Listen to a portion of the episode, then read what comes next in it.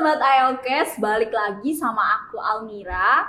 Di episode ke-6 kali ini tentunya kita kedatangan narasumber yang kece-kece juga dengan topik pembahasan hari ini mengenai salah satu jurusan yang ada di Institut Teknologi Aditama Surabaya. Jurusan yang tentunya populer ya saat ini gitu karena mengenai desain. Oke. Gak sabar lagi ini dari desain produk ada Pak Faza dan ada Bu Christine mungkin bisa perkenalan ke Halo. sobat IOKes Halo sobat IOKes. dari Pak Faza dulu atau Bu Christine dulu silahkan monggo Eh, selamat IOKes ya. Kalau salamnya gimana kalau IOKes? nggak ada salamnya sih Pak ya, Ah. cuma sebutan aja Ah, kalau gitu kita sobat IOKes di desain itu salamnya Dispro Kreatif ya. Nah, Ah. Salam Dispro Kreatif IOKes. Jadi saya perkenalkan saya Faza Wahminda dari jurusan desain produk. Eh, saya kebetulan di sini mewakili teman-teman ya di jurusan tuh ada ada tujuh dosen sebenarnya jadi Iya. ada beberapa dosen yang lain yang juga mungkin kalau diajak ke sini juga nggak mungkin cukup. penuh ya kayaknya. penuh jadinya rombongan Oh, iya. Jadi ke saya di jurusan desain produk eh, di bidang fokus keilmuannya di bidang sustainable design. Wow, sustainable design tapi mungkin kalau Despro juga lebih luas lagi ya Pak Iya. mungkin Bu Christine silahkan Oke, halo sahabat IOKes. Yuk, Ah, saya Christine. Ya, eh, sini saya dosen salah satu dosen Dispro. Bidang keahlian saya ini manajemen desain. Jadi Dispro itu isinya multidisiplin eh, ilmu. Ilmu. Heeh, jadi saya saya salah satunya adalah manajemen desain. Gitu dulu Mbak. Tak kunci ya.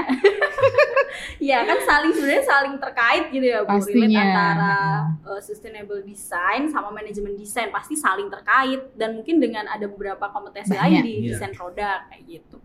Mungkin uh, lebih diperdalam lagi ada beberapa sih Pak Bu sebenarnya uh, apa ya Bu fokus bidangnya kan itu ada tujuh dosen nih Iya. gitu. Nah mungkin dari masing-masing dosen itu mempunyai bidang tersendiri gitu. Itu apa aja? Iya, Bisa jadi kalau di kami ada di jurusan desain produk ITAT ada tiga, Tiga. ada tiga bidang keahlian. Yang pertama desain produk dan budaya visual, kemudian yang kedua eh, desain produk lingkungan berkelanjutan, Iya. kemudian yang ketiga ada Interaksi desain manusia. eh, interaksi sorry interaksi manusia, manajemen. dan manajemen desain. Jadi ada tiga yang masing-masing juga eh, memiliki kompetensi yang cukup eh, dan baik dan juga berasal dari beberapa lulusan dari perguruan tinggi negeri. Ya. Wow. Jadi dari ITB ada dari Iya. eh, ISI, ada dari UGM. Hmm, jadi nggak nggak kalah nih untuk skill dari pendidiknya aja sudah Ya, mumpuni sekali gitu kan. Mungkin kalau apa desain produk ini juga lebih mendekati teknik yang mendekati dengan sosial juga karena ada interaksi dengan manusia itu tadi ya bu ya. Jadi mungkin dari sobat IOKes nih yang kayak ragu "Aduh, aku anak IPS mau kuliah di Institut Teknik Teknologi gitu kan isinya teknik semua nggak usah bingung ini ada desain produk gitu kan jadi lebih mendekati juga gitu Iya. ke arah sosial seperti itu oke terus di sini eh, kita sebenarnya tahu ya bu eh, pak mungkin Hmm. ada beberapa jurusan lain seperti ada desain interior dan ada juga desain apa ya DKV Iya. DKV Di mungkin ya kafe. nah itu terus perbedaannya apa nih antara Despro DKV sama desain interior Iya. ini seperti apa Jadi eh, kalau diruntutkan satu kalimat ya atau satu kata dahulu yaitu desain. Sebenarnya kalau desain itu kan merancang satu perancangan Iya, satu perancangan benda. Ah, itu kalau produk benda tapi kalaupun bukan produk ada DKV ada multimedia mungkin atau mungkin ada desain interior dan lain sebagainya. Nah ini sebenarnya adalah semuanya adalah eh, satu ruang lingkup desain. Jadi ada tiga bagian yang cukup besar yaitu ada desain produk ada desain komunikasi visual dan juga ada desain interior. Irisan-irisan ini sebenarnya sangat berkesinambungan. Iya. Jadi teman-teman ya kalau adik-adik di SMK, SMA atau mungkin yang ingin di desain produk nggak ada bedanya kalau kita dia dikatakan sebagai teknik enggak kita bukan teknik Iya. Jadi kalau dibilang kalau dulu ada insinyur, Dibilang insinyur kita nggak enggak. insinyur juga. Tapi kalau kita dibilang Seni juga Seni- enggak. seni juga enggak gitu ya bu ya. Jadi eh, kami memang eh, sedikit berbeda dengan di teknik ya atau di teknik itu kita sedikit berbeda karena eh, dikatakan IPS eh, lebih pada sosial juga kita butuh itu untuk ilmu seni kita juga butuh. Nah artinya apa? Saya sendiri juga dulu dari IPS loh. IPS. Wow, Jadi dari PS juga. saya nggak nggak ya nggak berpikir kalau dulu ya kenapa harus berpikir insinyur itu harus dari IPA dan sebagainya Iya, ya betul. enggak sekarang kan enggak seperti itu kemudian kalau di dibedakan tadi ditanyakan apa sih bedanya di kafe itu lebih pada ke visual ya visual Iya. kalau di multimedia ada lebih pada visual audio, Audio. masuk jadi audio visual. Kalau di desain produk bagaimana? Nah kalau desain produk lebih pada perancangan benda. Nah kalau perancangan benda berarti artinya kita mendesain satu produk yang itu ada di sekitar kita yang paling sederhana. Terus lalu kaitannya dengan uh, teman-teman yang di DKV ya yang Ya, di SMK DKV. itu bagaimana? Nah teman-teman ini yang semua di, di DKV yang di SMK itu udah punya modal. Mereka udah punya modal udah punya modal untuk bagaimana bisa membuat strategi promosi terkait dengan komunikasi visual yang mereka punya. Nah, cuman mereka butuh pelajaran apa lagi tuh? Iya. Coba. Pelajaran Oh, desain produk. produk. Nah, Ya, produknya iya, belum. Iya, iya, iya. Bisa bayangin nggak kalau dia udah bisa bikin produk, dia sudah punya menguasai di bidang DKV, lalu dia jadi industri kreatif. Terus bisa bayangin Iya. kalau dia bisa jadi satu konten kreator sendiri karena dia punya basic ya. Mhm. Dan itu banyak yang uh, dari teman-teman kita yang berhasil seperti itu. Oh, Berarti kayak bidang ilmuwan keilmuannya juga lebih luas tentunya Iya, karena betul. sebelumnya Iya. sudah mempunyai ilmu yang basic gitu. Iya, betul. Malah eh, saling menguatkan. Iya, iya. gitu ya. Jadi dia sudah punya modal, terus kemudian kita tambahkan pengetahuan dia tentang produk sehingga dia sudah bisa berdiri sendiri gitu loh. Hmm. Istilahnya Iya, eh, betul. sebagai eh, desain planner dia sudah bisa berdiri sendiri gitu. Iya betul. Mungkin eh, ada dua contoh nih gitu kan Iya. beda di sini ini tuh hasil dari desain produk nih teman-teman. Jadi lebih pada produk gitu ya Pak. Iya, Jadi eh, produk itu kalau misalnya di kita kita apa ya kita hidup ya dari mulai Ya. ujung rambut sampai ujung kaki itu kan semua ada produknya. Ya. Dari mulai sampo, dari mulai sabun, baju, eh, apa nih jam tangan, tas. kemudian tas, cincin dan lain sebagainya, semua dibilang produk. Nah, kami itu desain semuanya. Ya. Tetapi kita punya eh, satu keunggulan sendiri ya, Pak ya, di Dispro Itat ini. Eh, jadi yang namanya produk itu nggak cuman yang nempel di sini, tetapi transportasi pun juga Iya. produk gitu ya.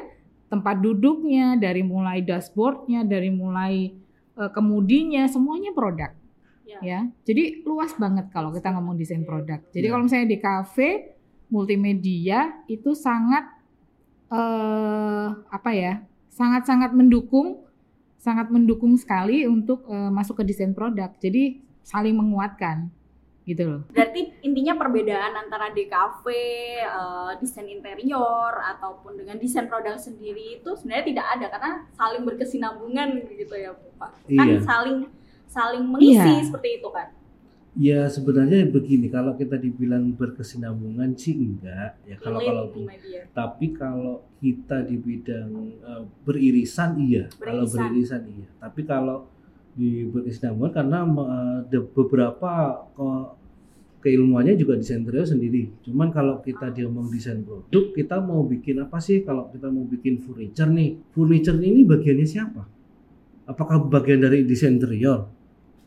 Oh, Atau iya. bagiannya desain produk? Nah, itu Saling yang harus beririsan iya, saling beririsan. Jadi eh, bagi yang ada-ada yang pengen desain interior, ya kalau mau desain interior aja ya silakan. Tapi kalau mau desain produk, bisa juga desain interior di dalamnya desain produk. Ya, gitu. Jadi Ya, lebih artinya lebih kompleks. Lebih luas, kompleks, lebih lebih luas. luas Iya. desain produk. Jadi kalau misalnya interior itu kan eh, kita punya konsep oh interior eh, konsep interiornya adalah ekletik, konsep interiornya adalah klasik. Nah, tapi bentuk produk yang seperti apa nih yang bisa mendukung konsep itu? Nah, itulah pro- eh, di desain produk itu. Gitu. Kita kita ber- kita berperan di situnya gitu mendukung di situnya dan beririsan di situ ya karena Iya, iya. interior itu tidak akan tidak akan menjadi sebuah konsep yang utuh kalau tidak ada produk yang Produk mendukung Iya, gitu betul, betul, betul. Wow menarik sekali nih. Berarti kan intinya eh, tadi sudah disinggung juga multimedia itu berarti masuk ke DKV mungkin ya Pak. Ya, kalau multimedia sendiri kalau di sekolah ya saya nggak Iya. tahu kalau dari sekolahan di SMK itu memang ada jurusan sendiri namanya di kafe ada jurusan multimedia. Multimedia ya. Tapi kalau multimedia itu irisannya ada di dalam di kafe. Multimedia sendiri itu ada broadcast, ada dan lain sebagainya, mungkin ada Iya. perfilman, ada iklan.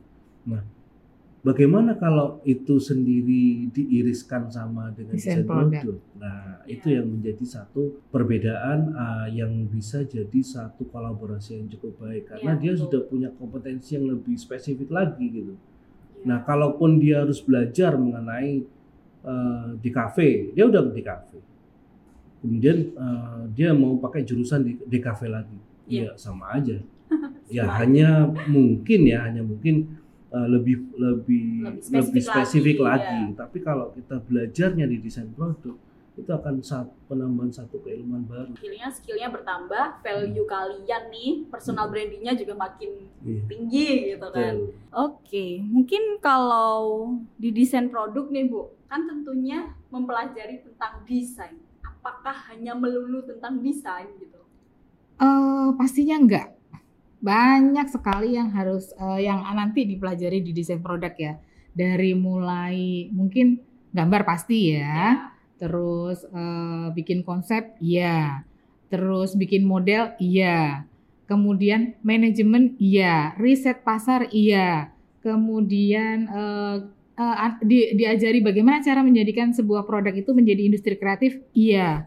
Jadi dari mulai eh, merancang, kemudian sampai eh, mewujudkan desain itu, sampai memasarkan desain itu, nanti kita ajarin di sini, gitu. Jadi eh, keluar dari sini eh, bisa jadi, kalaupun misalnya pengen berusaha sendiri, Iya. bikin desain planner sendiri dari desain hasil tugas akhirnya menjadikan sebuah produk yang mau dijual dengan apa brandingnya sendiri itu sudah bisa. Ya, Gitu. betul. Jadi- masuknya ke entrepreneurship juga gitu. Iya. Entrepreneur iya. gitu. entrepreneur tapi lebih spesifik ke desain planner Desain planner. karena desainnya dia sendiri yang dia jual gitu loh dia mampu untuk mendesain uh, produk yang memang unik kreatif dan lain sebagainya gitu Mungkin juga nanti bisa bikin platform akhirnya jadi startup. Nah, gitu sekarang. Iya jadi Iya. Itu tadi yang tadi uh, apa DKV ditambah dengan desain produk ma- mateng deh kayak gitu jadi karena kan kita sudah mulai ke apa namanya semuanya serba digital ya Digital jadi sekarang. itu sangat sangat sangat mendukung sekali Berarti ya udah kompleks banget lah kalau Iya, bisa masuk makanya dibilang produk. multidisiplin Iya, ilmu, Multidisiplin semuanya dapat di sini. Uh, artinya kalau di level di kompetensi keilmuannya ya nanti kalau teman-teman di desain produk bergabung dengan desain produk Yap. kompetensi apa sih itu kan yang ditakut jadi uh, yang tadi disampaikan Bu Christine itu udah benar sekali jadi kayak kita belajar mengenai konseptual konseptual mengenai bagaimana uh, melihat ceruk permasalahan sehingga muncul satu konsep yang multidisiplin, interdisiplin dan sebagainya. Dan itu yang kemudian uh, menjadi kompetensi yang baru ditambahkan dengan metodologikalnya, bagaimana dia punya metode cara meneliti, Menyelesaikan menyelesaikan masalah, penelitiannya bagaimana, kemudian metode dalam proses produksi itu manajemennya bagaimana dan sebagainya. Itu ada metode sampai metode manajemen pemasaran. Itu semua adalah metode metode yang perlu dipelajari mulai dari dia merancang sampai dia bisa memasarkan Memasarkan. produk. gitu dan yang kemudian juga teknikal teknikal juga kita belajar kalau teknikal kita mungkin belajar tentang gambar teknik Iya. bagaimana proses Skill ya, mengasah skill. skill, uh, skill tekniknya. Jadi kita uh, misalkan kita belajar oh, bagaimana sih uh, material kayu ini digabungkan dengan material aluminium dan lain sebagainya Ya, untuk ya, jadi ya, satu produk. Dan yang terakhir kita apa? Kita lebih kepada sosial masyarakat. Ya. Itu yang ujungnya nantinya kita belajar bagaimana desain kita itu bisa diterima di masyarakat. Itu kompetensinya yang akan Ya, betul, betul. dicapai mahasiswa.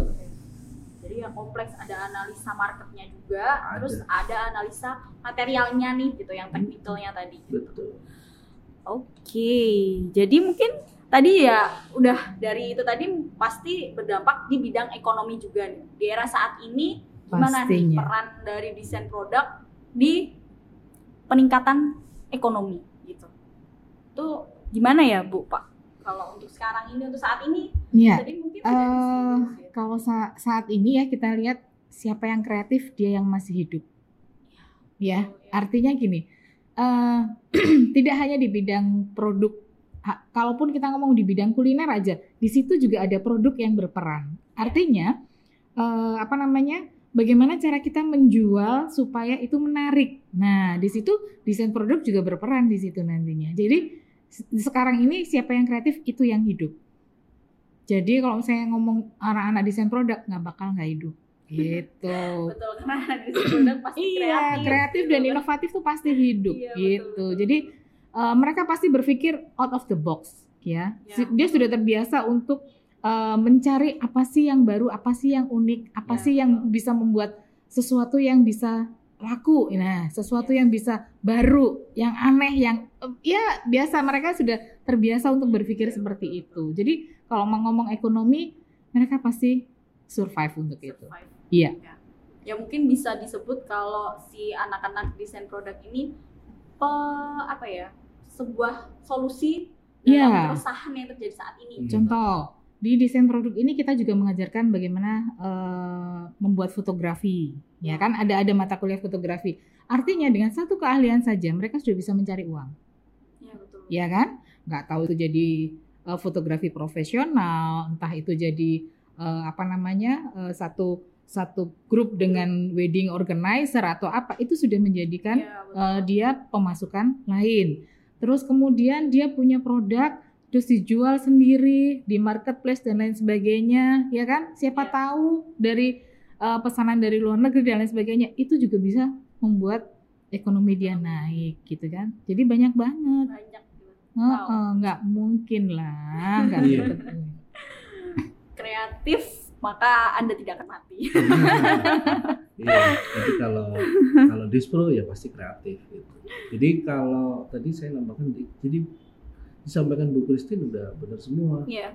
Jadi emang kita faktanya bagaimana sih melihat eh, lulusan kita. Jadi kalau lulusan kita yang sudah sukses juga udah banyak. Iya, ya, Artinya betul. itu menjadi satu yang jadi entrepreneur, ada yang menjadi desainpreneur, ada yang menjadi bisnis desain, ada yang Oh. tapi kita nggak nggak menutup kemungkinan yang kerja di perusahaan juga ada. Oh, Tapi iya, kan iya, betul. kalau dikerja di perusahaan apa nggak kreatif ya tetap harus kreatif kan. Iya, gitu. betul. Nah itu jadi apa yang mendukung dari eh, dari mereka ketercapaian itu? Maka eh, mata kuliah mata kuliah kita itu sudah mulai beradaptasi dengan industri 4.0.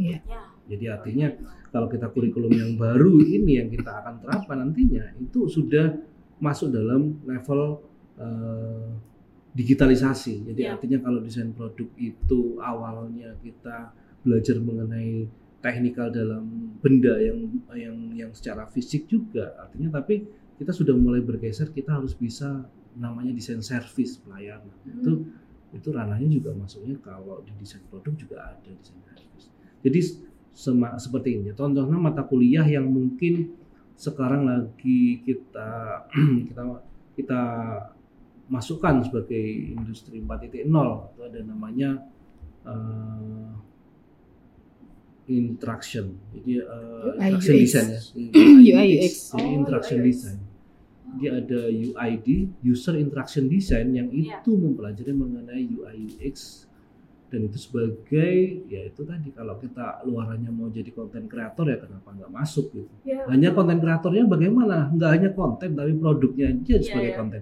produknya siapa produknya sendiri Iya, itu kan- betul betul. itu kan asik jadi sampaikan fotografi produk ya udah bisa makanya kalau membantu ekonomi saya kira semuanya punya berpeluang besar di situ termasuk apalagi kita sudah ngomong kalau ekonomi kaitannya dengan teknologi yang berkembang ya udah ngomong uh, cryptocurrency dan sebagainya. Ya. Nah, bagaimana desain produk ini bisa masuk dalam dunia virtual? Iya, Pasti nanti. pasti. Ya. Iya, terus eh, ini Pak, apa namanya di kurikulum kita juga ada wirausaha desain. Nah, Jadi di situ eh, teman-teman nanti diajarkan bagaimana cara mengemas, kemudian memasarkan sampai nanti terjun ke lapangan. Apakah ini benar-benar laku atau tidak? hmm, Bagaimana bisnis plan-nya? Itu juga diajarkan di situ. Jadi. Iya, itu tadi yang saya bilang. Dia keluar dari sini sudah paket komplit Hmm. Gitu. Paket komplit dalam artian mau buka usaha sendiri Ya. silahkan, mau ikut orang silahkan gitu kan. Tapi yang pasti modal itu sudah ada. Wirausaha desain wirausaha. Ya, desain. basicnya udah ada. Jadi Betul. misal Iya, ya kepepet pun mau jadi entrepreneur, entrepreneurnya tentunya jadi entrepreneur sukses Iya. gitu, karena basicnya udah Hmm. banyak gitu. betul. Terus ada lagi eksebisi produk. Iya. Jadi eh, mahasiswa diajarkan untuk menjadi tim pelaksana pamerannya sendiri, Ya. pameran angkatan eh, kakak kelasnya sehingga eh, kita penilaiannya tiap semester itu kan ada eh, pameran ya. Ya. Tapi karena sekarang musim pandemi jadi kita pamerannya secara virtual. Itu pun juga kita bergeser ya dari mulai yang kita offline kemudian kalau offline kita memang harus eh, bukan selalu di eh, apa mall ya Pak ya. Hmm. Kita selalu di mall Surabaya yang biasanya pengunjungnya rame banget gitu kan. Terus yang sekarang bergeser menjadi virtual, itu pun juga pengikutnya banyak sekali gitu ya. Jadi mereka diajarkan untuk bagaimana menjadi se- eh, seorang pelak- tim pelaksana di lapangan, memamerkan, kemudian menjadikan eh, tim virtual itu tadi seperti apa dan lain sebagainya. Itu juga kita ajarkan. Jadi kalau misalnya kepepet banget, dia mau jadi IO pun juga bisa Iya. gitu loh. Ya, jadi Oh, nggak ada betul. ceritanya mereka kalau saya mau jadi apa ya, nggak mungkin Nggak gitu. mungkin. Karena Banyak, sudah dibekali ya, banyak di bekali sini banyak gitu loh. gitu, ya. Gitu. wirausaha desain tuh le- lebih trennya sekarang tuh Iya, namanya iya. startup design. Startup Iya. design. Iya. Jadi lebih ke arah teman-teman startup Iya. gitu ya yang yang membangun bisnis. Menghitung materialnya bagaimana, menghitung cost-nya bagaimana, kemudian sampai untung ruginya bagaimana, itu nanti kita sampaikan di situ.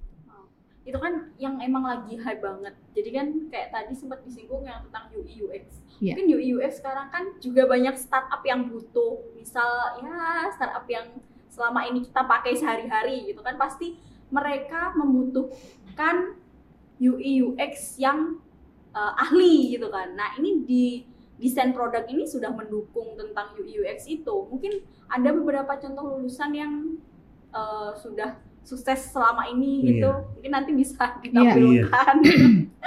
nah, itu untuk beberapa lulusannya Hmm. yang di company pun juga bisa bersaing selain untuk entrepreneurship begitu ya Pak Bu ya. Iya. Kalau lulusan sih jangan di ini ya, ditanya- jangan ditanya lagi ya. Udah banyak banyak lulusan eh, dari Dispro Itat yang sudah eh, sukses gitu ya. Ya, betul. Baik itu dari yang bisnis desainnya tadi yang saya Pak Fasa bilang. Kalau sekarang mungkin kita lebih ke Crazy Rich Surabaya itu ya. Wow, ada Crazy Surabaya yang Iya. lulusan desain produk itu. Iya, gitu. Mungkin nanti bisa ditampilkan eh, testimoninya beliau, profilnya beliau gitu ya. Ya.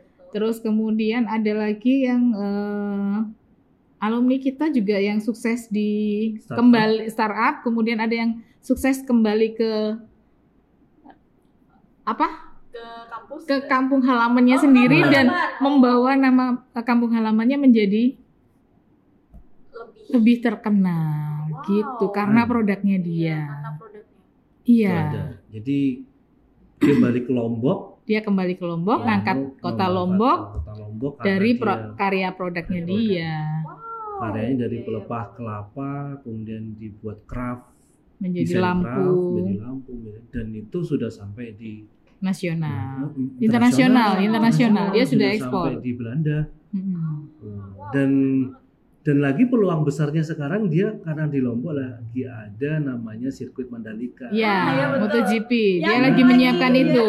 Padahal Betul. dia udah internasional lebih dahulu, tapi begitu ada sirkuit dia malah eh, Lebih malah lebih lagi setelah iya, ini. betul, betul, Jadi betul. ya nggak diragukan lagi sih kalau untuk industri kreatifnya. Ada di eh, di Gresik juga ada yang memanfaatkan Bonggol dari jagung. potensinya Iya. desa sampai dengan dia bisa berprestasi dan juga bisa masuk di ranahnya eh, dinas-dinas untuk bisa ikut bersama jadi keunggulan produk daerah. Ah, Itu yang kita ngomong masih di level di paling top ya di paling top Iya. itu ada di entrepreneur atau designpreneur Ya. lebih ke startup tapi di bawahnya itu banyak juga ada yang dari desain profesional ada yang di bisnis design Iya. kemudian ada lagi Yang studi juga ada Pak. Yang Yang, studi studi, juga juga, ada. ada ke Taiwan. Oh ya, iya benar. Kemarin juga ada banyak yang mungkin yang bisa jadi dosen juga gitu kalau Iya. dari Bispo tidak menutup kemungkinan menjadi Betul. seorang akademisi seperti itu. ada Hmm. juga yang lulusannya di platform digital eh, untuk pendidikan ya Iya, Ah, ada. ya mungkin terkait dengan UI UX tadi ya Pak Iya. ya. iya.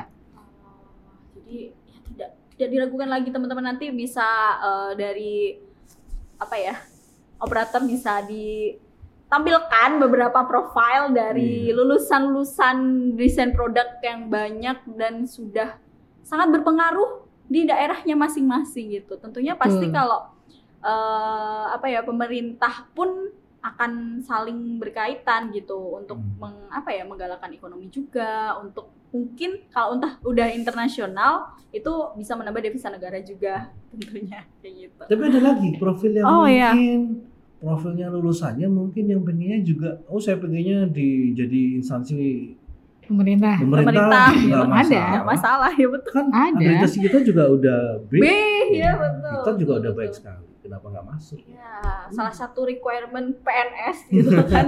itu kan akreditasi B. jurusannya B. Nah, sebenarnya di ITATS itu semua eh, strata 1 akreditasinya B dan kampus ITATS sendiri ini udah termasuk kampus unggul kayak gitu teman-teman.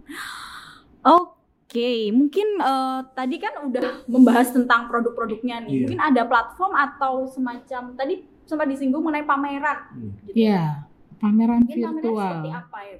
Iya, yang sekarang ini kita lakukan adalah pameran virtual yang biasanya kita lewat Zoom, Yep. kemudian live IG, kemudian eh, YouTube gitu ya. Tapi kita juga punya platform untuk eh, karya-karya desain. Hmm. Di situ ada IDS ya Pak ya. Iya. Nah, IDS itu semua karya-karya teman-teman ada di situ. Itu yang terseleksi. Jadi Yep. jangan dibayangkan kok cuma itu ya. Enggak. Harusnya banyak. Cuman karena itulah yang terseleksi jadi kita masukkan ke IDS, itu. Seperti itu. Nah, platformnya boleh dijelasin Iya. Pak Fasa.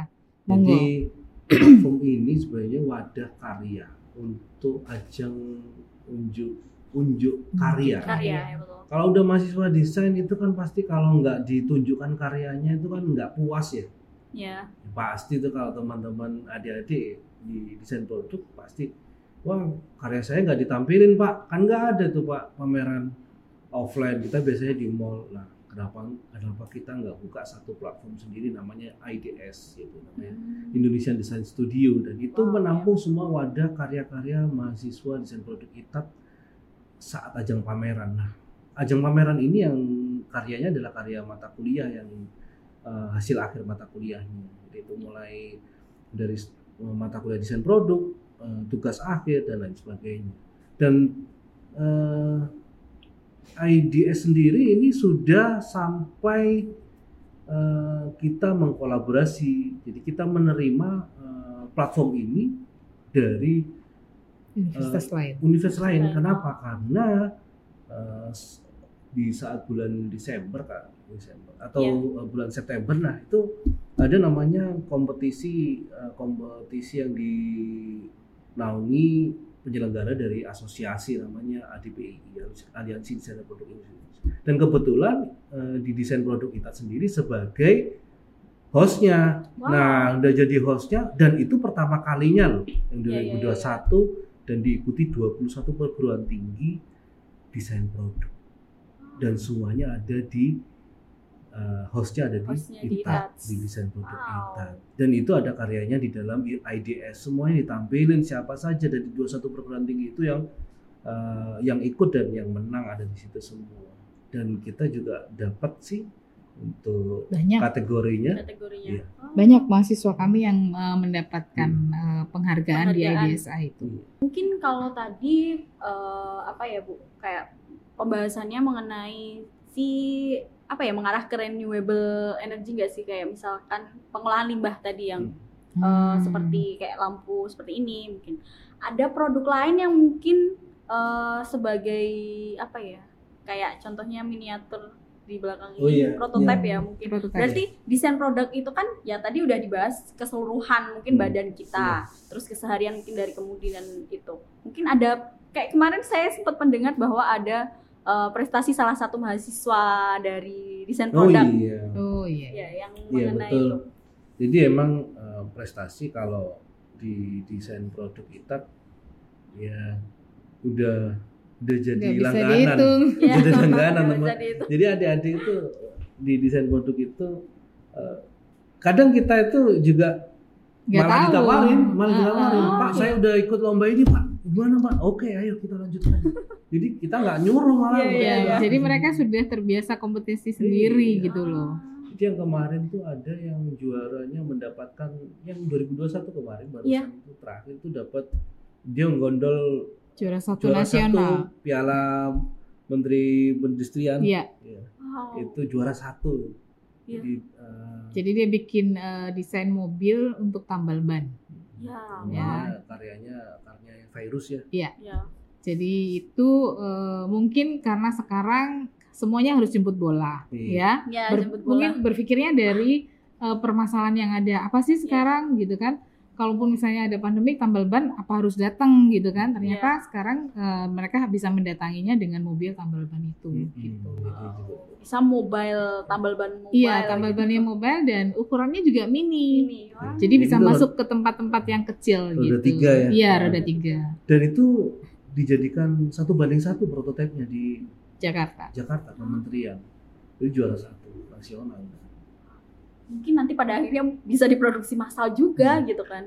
Kalau mungkin, mungkin, pastinya gitu. Dan, Dan- akhirnya ya Dan juga nggak cuma mahasiswa, dosen kita juga ada yang internasional prestasi sampai Guangzhou. China itu. Iya, Iya. Guangzhou China. Dan juga eh, yang dari sepatu lomba desain sepatu juga Iya. Oh, iya betul betul. sampai di internasional. Jadi Jadi jangan berpikir di Dispro Iya. itu cuman produknya cuman itu-itu aja, Iya, tetapi dari betul. mulai sepatu, tas, apalah, transportasi Tas, kita iya, semua semua pernah bikin. salah satunya contohnya prototipe-prototipe Iya, seperti prototipe ini, ini. ya. Ya, betul. Iya. dari produknya yang mungkin nanti uh, sebelum jadikan kalau di produk produksi massal kita harus bikin prototipenya dulu. Nah ini diajarkan bagaimana bikin modelnya. Iya betul. Desainnya terus habis itu direalisasikan Hmm. gitu. Pasti, Pasti. pasti. Nanti bakalan di apa tampilin juga nih nanti untuk prestasi-prestasi Iya. dari desain produk Itats gitu kan dari si editor. oh ya, mungkin Oh, ada pertanyaan. Kemarin kita sempat eh, ngelempar pertanyaan atau Q&A session di Instagram. Jadi Hmm. mungkin kemarin juga udah di tag di Hmm. Instagramnya Despro Itat. Jadi pertanyaannya gini Pak Bu. Eh, suatu karya atau desain yang dibuat eh, atau dikatakan plagiat jika memenuhi apa saja mungkin terkait dengan plagiasi Iya. Oh. karya Iya. itu seperti apa ya Oke, Nah, saya jelaskan. Jadi kalau di desain produk itu sendiri itu kan karya satu karya dan Yep. ini harus ada perlindungan. gitu. Nah, bagaimana ini bisa jadi satu perlindungan bagi seorang desainernya sendiri. Ya. Dan itu juga diajarkan di dalam mata kuliah kita namanya hak Haki. hak kaki hak intelektual dan etika profesinya sebagai desainer bagaimana dan luarannya adalah bagaimana kita bisa mendaftarkan karya kita untuk dilindungi negara melalui hak kekayaan intelektual bisa desain industri bisa Cipta. hak cipta atau mungkin Paten bisa sampai sekalipun. dengan paten karena produknya memiliki sistem yang harus dipatenkan dan bisa jadi kemungkinan besar kalau ini bisa diproduksi dengan industri yang lain karena menarik dan inovatif kenapa nggak jadi klaimnya kita gitu? Ya kalau kita yang punya. Nah itu juga diajarkan. Dan itu wajib sih karena Iya. dari kita memang karya keluar karya betul. Jadi harus ada haki iya biar betul. terurus mengenai plagiasi Iya. itu tidak ada gitu. Iya. Wah menarik sekali nih teman-teman sobat Ayokes. Diskusi kita kali ini adalah mengenai apa ya mendalami mengenai desain produk gitu Iya. kan pasti banyak orang yang kurang paham gitu mengenai desain produk. Nah semoga apa yang kita diskusikan kali ini membantu teman-teman untuk mencapai wawasan itu gitu. Oh, ada pertanyaan lagi, satu pertanyaan lagi mungkin ya? Ya. Oh, masih ada lagi. Oke, apakah kemasan yang bagus dan simple itu sudah pasti mahal? Gitu. Oh, Hmm. mungkin pricey dari value dari karya nih. Gitu. Iya. Itu gimana nih Pak? Iya, eh, kalau masalah kemasan itu tergantung konsepnya dulu, ya. Selain konsep materialnya juga, jadi nggak nggak harus simple terus itu mahal gitu ya, Ya. tidak. Tetapi eh, yang pasti kemasan itu harus memiliki eh, satu dia punya labelnya sudah muncul. Ya. Kemudian yang kedua mungkin eh, kontak personnya ada ya. Jadi alamat itu ada. Kalau perlu barcode-nya ada. Jadi si sesimpel apa pun syarat-syarat untuk eh, sebuah kemasan itu harus dipenuhi. Itu saja. Kalau masalah mahal dan tidak mahal itu tergantung dari material. Material. Iya. Tergantung dari permintaannya seperti apa. Mungkin semakin rumit eh, tingkat potongnya, semakin eh, materialnya semakin apa namanya susah untuk didapat. Didapat. Kemudian prosesnya pun juga mungkin harus pakai eh, CNC. Andai kata prosesnya itu material yang kayu dan lain Iya, sebagainya gitu ya, atau mungkin yang material seperti ini pastinya mahal, Mahal, gitu ya. iya. Jadi semuanya tergantung dari eh, materialnya, dan Materialnya. proses pembuatannya. Kalau masalah desain itu semua bisa dicapai. Ya, ya, Gitu. ya. Ya, Tapi tetap emang menarik, Bu. Jadi kalau kita bilang desain ke- kemasan itu Simple. simple mahal, tapi berpengaruh nanti jualnya harganya produknya mahal. Iya, padahal produknya sebenarnya harganya murah. Mana? Iya. betul. Tapi karena kemasannya bagus ya jadi mahal. Iya. Bisa jadi, Jadi peningkatan value-nya juga. pasti. Kalau kemasan memang kan tujuannya untuk itu. Ya, Iya. Tapi kalau tadi kan pertanyaannya apakah yang simpel itu pasti mahal Iya, gitu loh, Pak. simple pasti mahal. Iya. Eh, tergantung ya, Tergantung. tergantung Iya. materialnya. Kalau kita ngomong On. mahal, Iya. iya. Ya yang yang simple nggak mahal juga bisa. Bisa.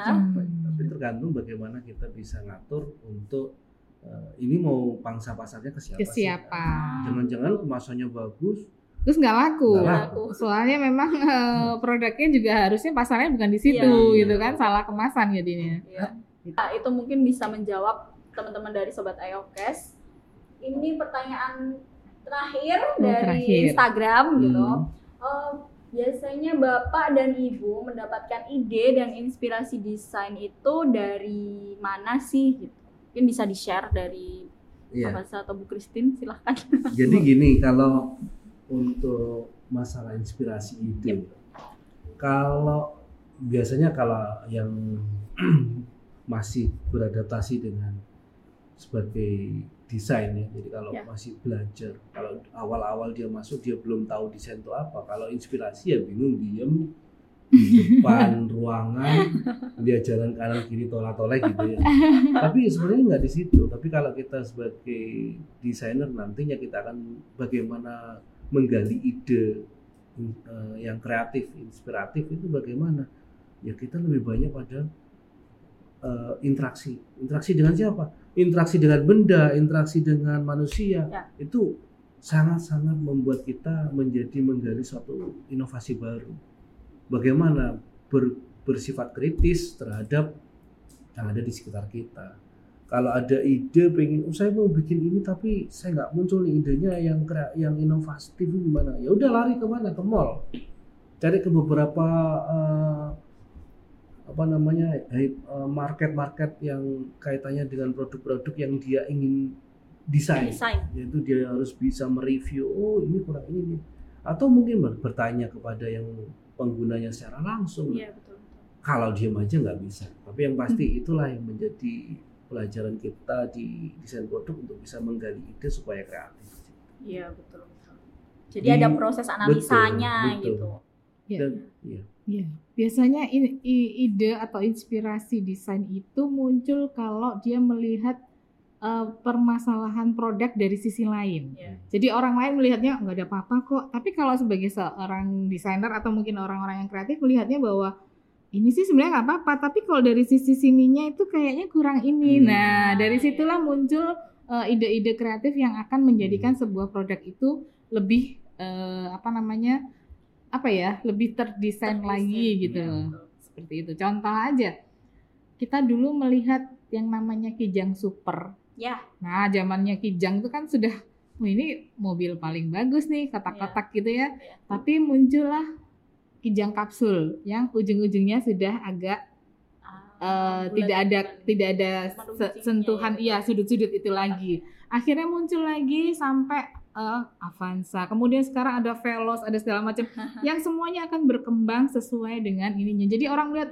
kok kayaknya ini ya kayaknya eh, lampunya itu taruh di sini bagus deh. Ini disampaikan nih. Nah, itu adalah sisi-sisi yang kita melihatnya sebagai sebuah masalah sebenarnya bukan Betul. masalah sih tapi keresahan Iya, ada sedikit keresahan aja itu sudah sudah bisa menjadikan ide sebuah Ide, desain ya gitu. kekurangan kelemahan Iya, kelemahannya dia Hmm. gitu. keresahan kekurangan bisa jadi sebuah Hmm. inovasi gitu lah Betul. itulah akhirnya tugas dari desain produk makanya banyak hal Iya. gitu Iya, kreativitas dan inovativitasnya dari desain produk ini gitu dan Iya. semua itu butuh analisis nah Iya, makanya kritis analisis tadi yang kritis Fasun tadi kan yang diajarkan di Mm-mm. desain betul. produk Kalau nggak kritis nggak bisa.